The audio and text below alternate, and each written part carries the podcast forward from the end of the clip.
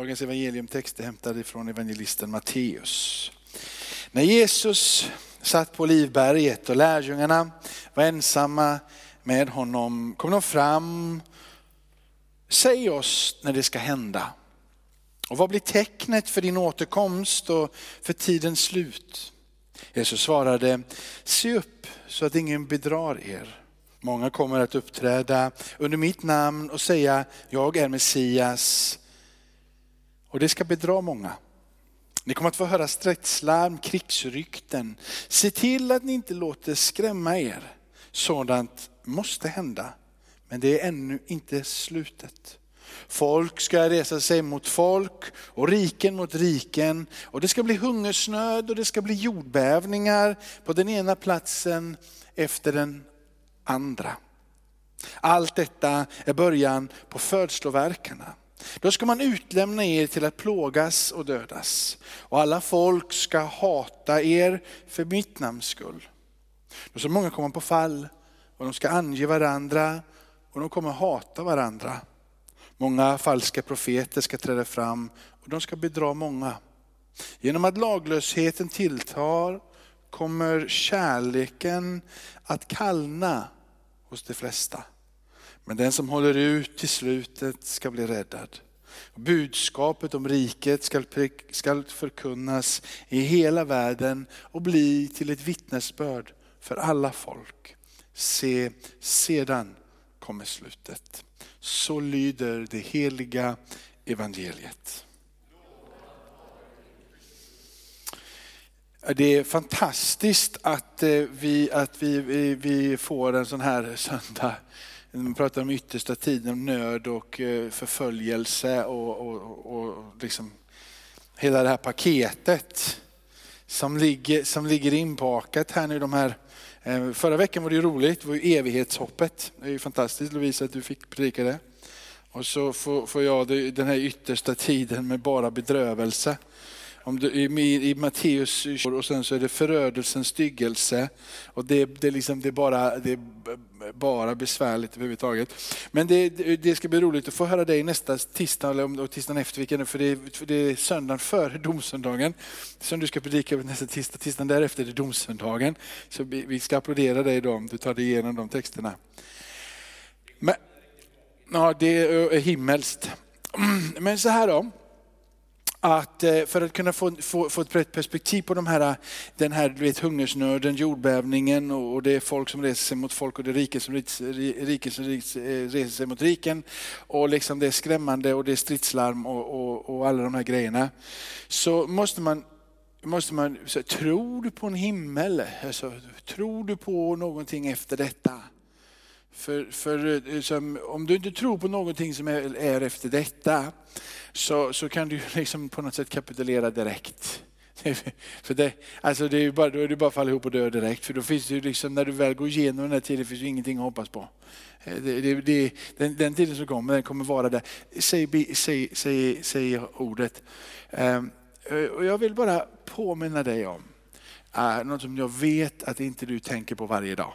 Och det är nämligen så här att ungefär 60 gånger i Paulus brev så pratar han om Jesu andra tillkommelse. Vet ni hur många gånger han pratar om försoning? Det här fantastiska som hände på korset och hur liksom han försonar Gud med sig själv. Vet ni hur många gånger han pratar om det? 50 ungefär. Så han pratar mer om den andra tillkommelsen än vad han pratar om försoningen. Jag tycker bara det är lite fascinerande. Ehm, om du kommer ihåg vad jag säger här nu, om du vill skriva upp det på, på, på där, om du kan bara skriva in där, så är det så här att det finns några böcker i Bibeln som är de väsentligaste och mest avgörande för att få en helhetsbild utav den sista tiden och då Jesu återkomst. Och du har då det som du har i första och andra Thessalonikerbrevet kan du skriva ner. Första och andra Thessalonikerbrevet så ser ni det framför er och så hör ni mig säga det och så kommer ni komma ihåg det mycket bättre. Första andra Thessalonikerbrevet, där har du vad, vad, man, vad man kallade de pastorala, eh, eskatologiska, alltså den sista tiden, sista tiden eh, breven. Liksom. Det, det, här är det som försöker infläta det i någon form utav, utav, utav känsla, att inte liksom du och jag ska bli helt bedrövade.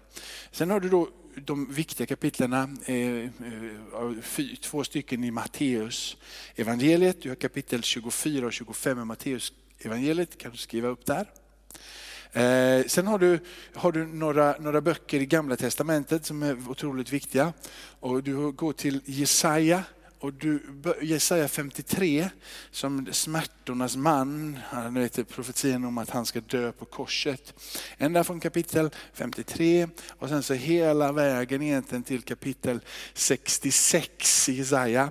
65 är inne och pratar om det nya Jerusalem och kapitel 66 är inne och talar om det nya himlar och jord. Så, va? Som, som, som, så, så står det till och med så här i kapitel 66, vers 22 eller vad det nu än är. Det står att den är nya, eh, eh, nya himlar och ny jord som jag ska skapa, säger Gud, och som ska bestå inför honom.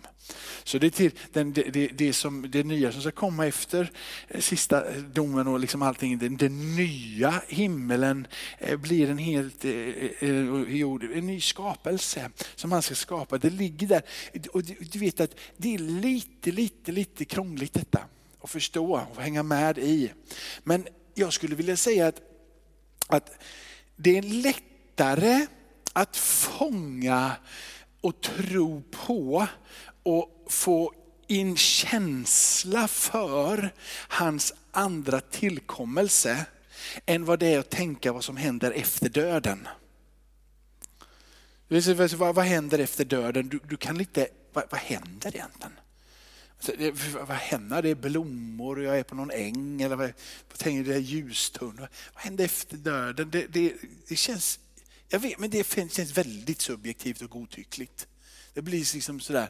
Men om du tänker på det som är verkligen avgörande för din frälsning, det vill säga att Jesus föddes av jungfru Maria, att han levde för din skull, att han dog för din skull, att han uppstod för din skull, att han eh, himmelsfärden för din skull upp till Faderns sida och att han ska komma tillbaka för din skull.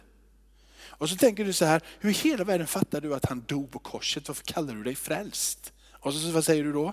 Jo, jag har upplevt det, jag har tagit emot det. Du har lite, du har sett någon film, någon Jesusfilm och sådär. Så du har någon bild för men du var inte där, du kan inte lura mig liksom. Utan du har verkligen, jag tror på Jesus. Han levde för mig, han led, han dog för mig och så får du den här känslan av att så är det och du har fått det helt enkelt uppenbarat. Amen. Och där ligger hela försonande verket liksom och allting som Jesus gjorde, vilket inkluderar löftet om att en dag komma tillbaka. Jag tror att det kan vara lättare att förnimma hans andra tillkommelse än vad som tänker på vad som händer efter döden. Men du vet att om du då tror och du får det förnimmat för din invärtes människa och tro reser sig upp över att jag tror att han ska komma tillbaka. Du vet att vad som händer efter döden, det blir en helt annan story då. Ibland så tänker vi fel.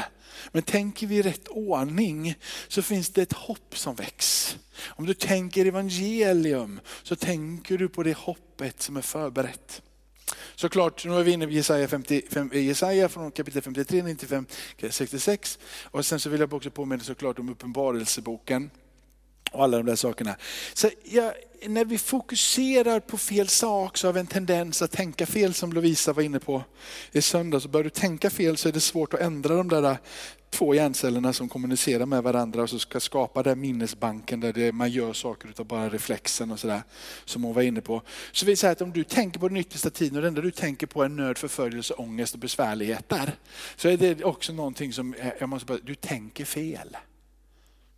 Och, då så säger faktiskt Paulus så här att till människorna i Filippi, han säger så tänker ni fel i något avseende?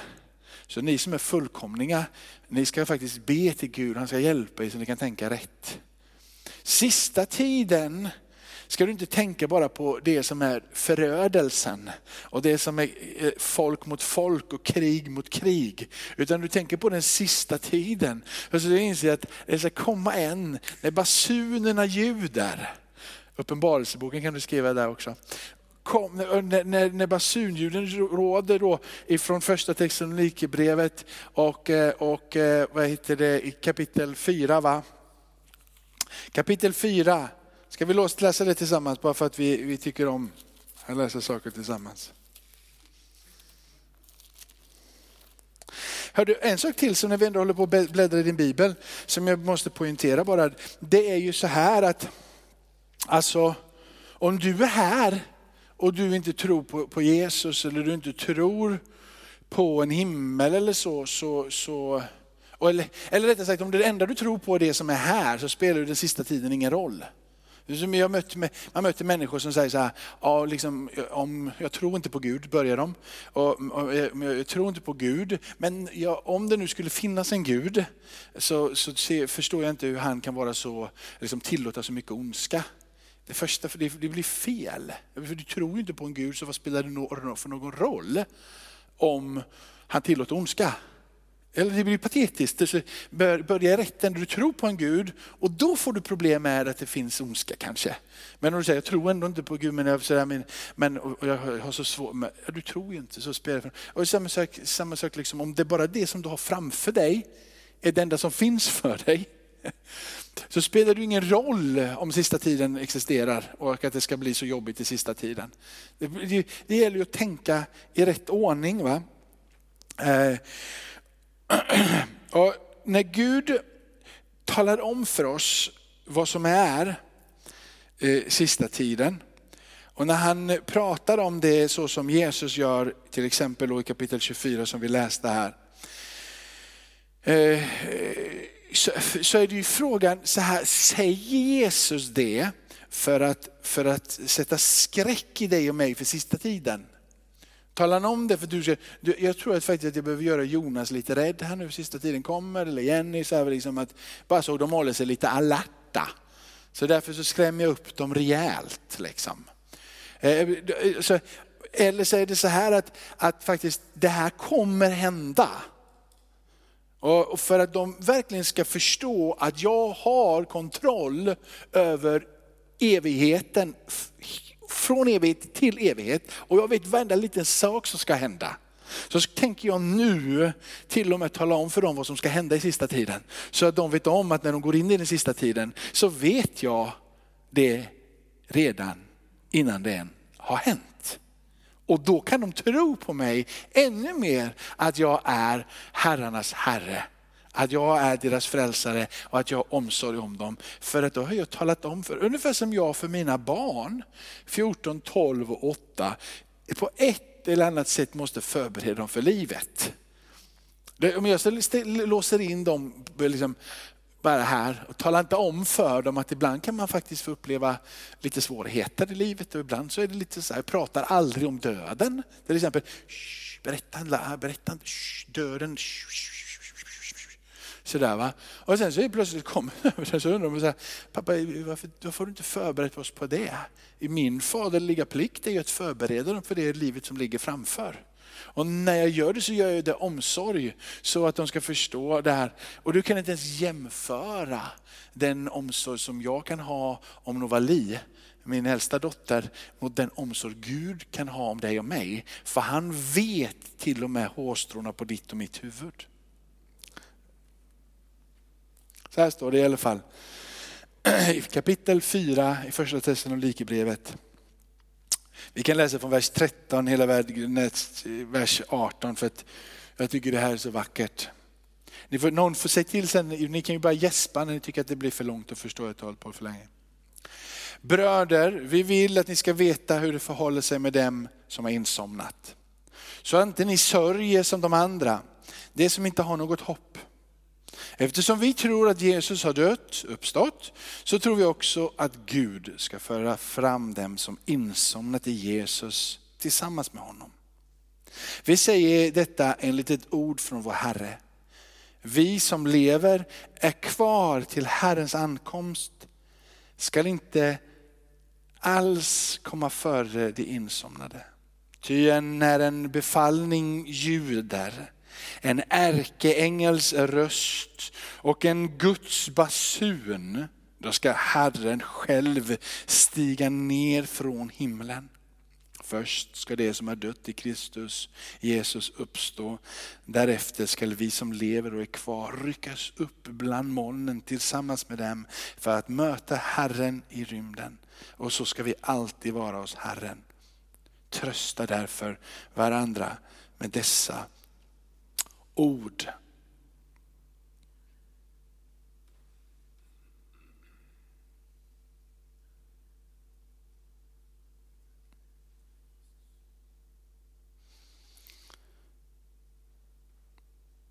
Jag funderar om jag skulle läsa vidare, men jag gör inte det. Så Herrens återkomst sista tiden och det som innefattar hela det, för jag kalla det paketet, är ju egentligen ett tröstens budskap. Vi väntar bara på att den här basunen ska ljuda, att han ska uppenbara sig i höjden uppstå och vi ska ryckas upp och vi ska mötas tillsammans med honom. Men det är någon som sitter här och funderar, det här med dom då? Du har hört någonting om, jag pillar lite på det som kommer här. Du har hört dom, det är ju en del av den här sista tiden, att sen när det kommer, den här besvärligheten är där och hur ska vi överleva i det här och hur ska det bli med allting och så vidare. Så vill jag tala om för dig att domen, den är redan fastställd för dig som är kristen. Domen för dig som är frälst, den har redan skett. Den skedde när du eh, sa ja till Jesus, så drabbade den domen Kristus själv. Eh, Jesus säger så här om sig själv att min fader i himmelen ty så älskade eh, han hela sin fantastiska skapelse. Han sände sin enfödde son på det att var och en som tror på honom inte ska gå under utan ha ett evigt liv. Han säger att han kom inte för att döma världen utan han kom för att frälsa världen. Kapitel 5 i samma evangelium så går han ännu djupare in och ännu liksom mer förklarar att det jag kommer och säger till er, det är vad min fader vill säga till er. Domen är lagd i mina händer och det jag säger är att domen är till för dem som inte tror på de ord som jag säger. Så han lägger helt enkelt över domen rakt på korset för alla i alla tider. Och är det så att du inte tror på hans ord så är du redan dömd. Så du behöver inte vara orolig för en dom som ska komma längre fram. Den kommer nämligen aldrig någonsin att drabba dig. För den domen är bara till för dem som inte har tagit emot hans ord. Så din rädsla för den sista tiden, den är helt obefängd. För det första så talar han om nöd, förföljelse som måste komma, riken mot riken, krig och, liksom sådär, och, och, alla de här stridslarmen och du har jordbävningar och du har allt hungersnöd och allt. Det måste komma. De säger han inte för att skrämma dig, utan de säger att jag vet att det är på det sättet. Men du vet att du som, som, som du håller ju på att bli äldre för varje dag som går här nu. Eller hur? Och du sitter ju inte speciellt, liksom, du kanske är lite, lite orolig, jag blir äldre och en dag så kommer jag bli sjuk. Och en dag så, så, så liksom sådär. Och kanske mina föräldrar, det går ju i cancer, det är som en epidemi i min familj så jag kommer alla gånger få cancer när jag blir gammal. Tror ni att du står där och talar en dom över dig själv? Nej, bara rent så liksom, finns det några som har det i släkten så kan det bara bli så. Och det har ingenting med att jag står här och säger det eller inte. Utan bara, men jag oroar ju inte ihjäl mig för det idag. Eller hur? Eller är du, oroar du liksom för allting? Du lever ju här och nu, liksom, eller hur? Eller är det bara jag som försöker leva liksom, här och nu? Nej. Eller hur? Så du vet ju saker som, som, som ofrånkomligt kommer hända här borta. Jag vet ju att mina döttrar kommer gå in i någon liksom, kärlekssmäll. De kommer vara jättekära någon kille och de kommer sen att bli besvikna på några killar och tycka att killar är helt värdelösa och vill aldrig ha med dem att göra. Eller hur? Det kommer ju hända. Kan jag likväl tala om det för henne, eller hur? Bara så du vet det. Din mamma har varit med om det, jag har aldrig varit med om det där. Men, eller, det kommer, vissa saker bara kommer ju att hända. Sluta inte leva för det. Eller hur? Så, och det, så du och jag vi behöver ha med oss det här, utan Gud har sin omsorg. Det är därför han säger, jag är med dig, jag är med dig, jag är med dig, jag är med dig.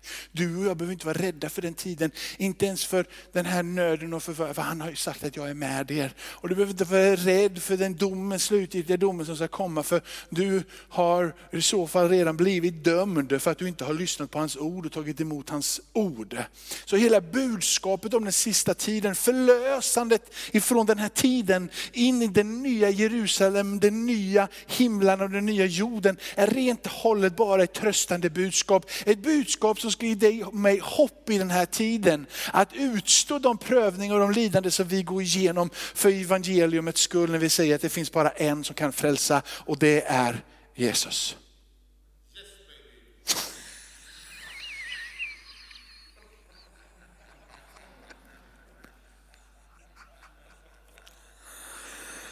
Åh Roger, jag dör. Uppenbarelseboken kapitel 21. Åh käre Jesus. Ni som hör på inspelning av detta så kan inte upprepa vad han sa, men han bråkade med mig här. Försöker få mig obalans.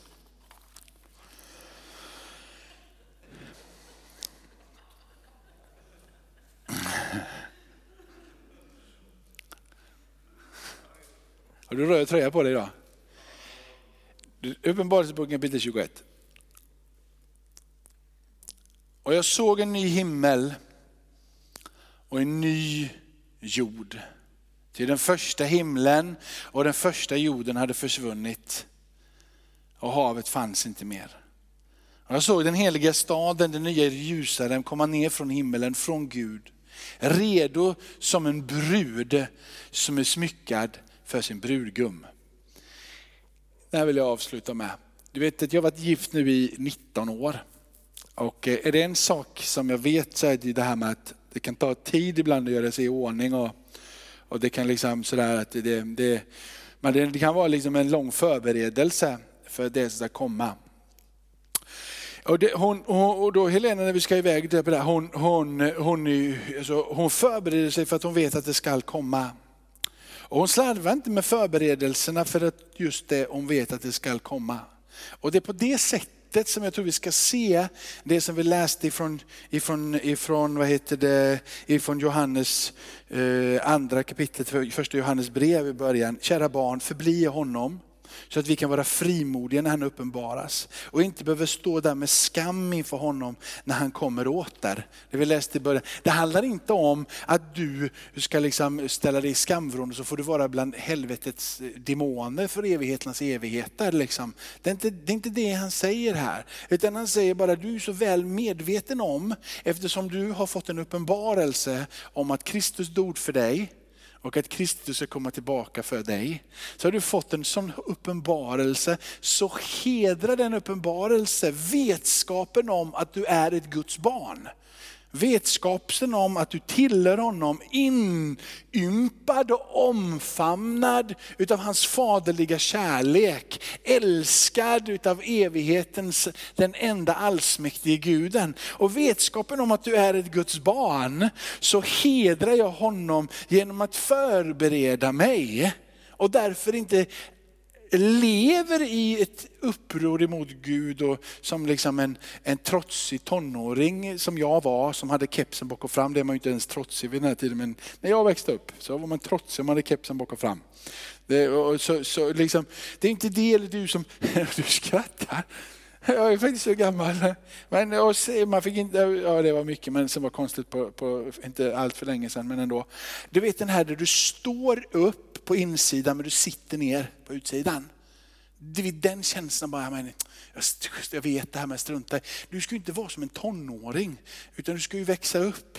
Känna att du är redo, att du är laddad. Att det, det, jag är Guds barn, jag tillhör honom. Det finns en fest som kommer. Det finns ett avslut på den här tidens lidande. Eller förbereder mig för detta. Inte som en rädsla att nu kommer den sista tiden. Rädsla för någon dom, för du är förbi både dom och, är du med? Du förbereder dig för en enda sak och att du vet att du är Guds barn. Så du väljer att leva heligt och rent och stå upp för evangelium för att du är hans. Inte för att du är rädd för att inte vi är hans. omfamnad utav hans faderliga kärlek så säger du Abba fader. Och så väntar vi tålmodigt igenom den yttersta tiden. För att när ärkeängens ljud, basunens ljud, ärkeängens röst råder ljuder. Så kommer han tillbaka och han säger, jag kommer snart. Ifrån kapitel 22.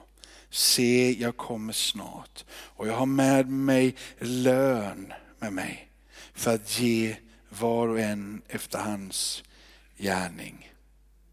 Amen.